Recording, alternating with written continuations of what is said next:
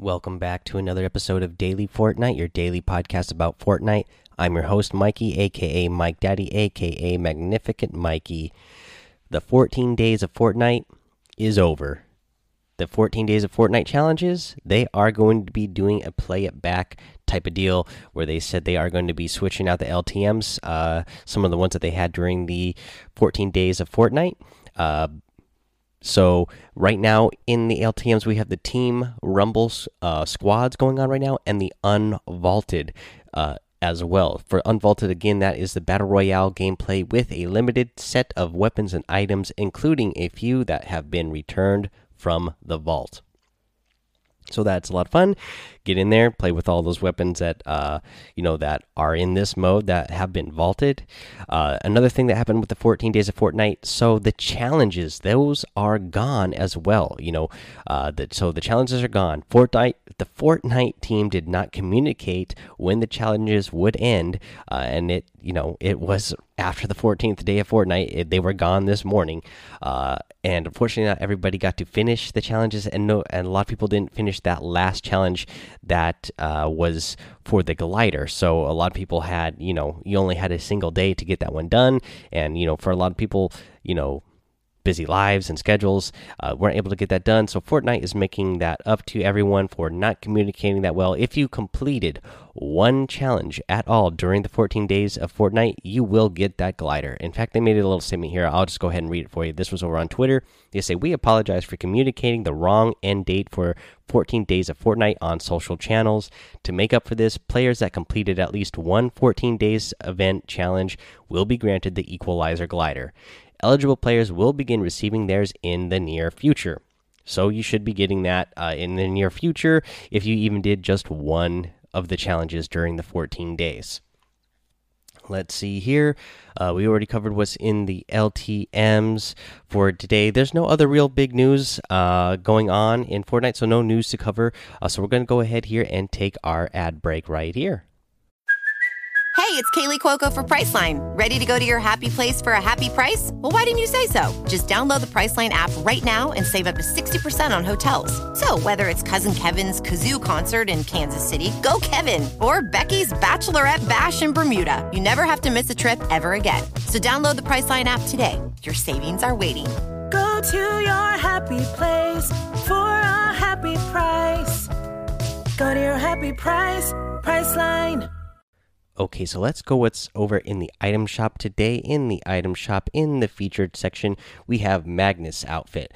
Uh, I like that Magnus outfit a lot. Conquer the Storm, part of the Norse set, also comes with the Enduring Cape, back bling, uh, battle proven, of course. Uh, yeah, this guy is, you know, he is one beastly looking dude. He's a Viking. He's, you know, he, he's a barbarian.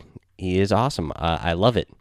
Uh, let's see here. What else do we got going on in the uh, item shop? We have the Four Bear Harvesting Tool.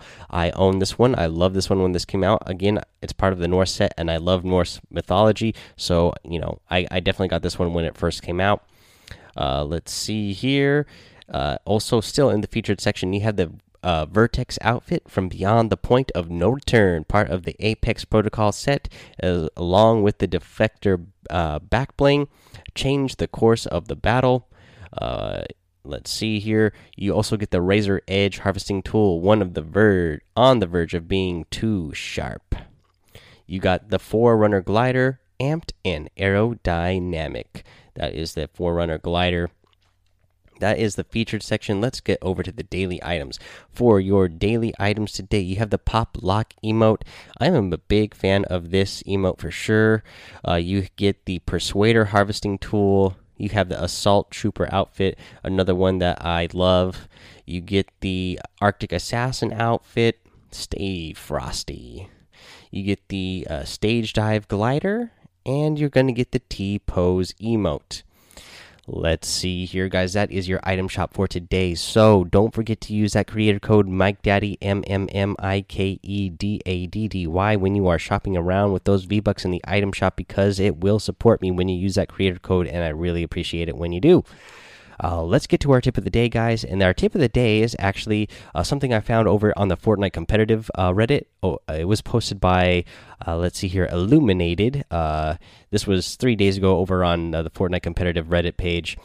Uh, let's see here. So what Illuminated uh, pretty much showed us uh, what you can do.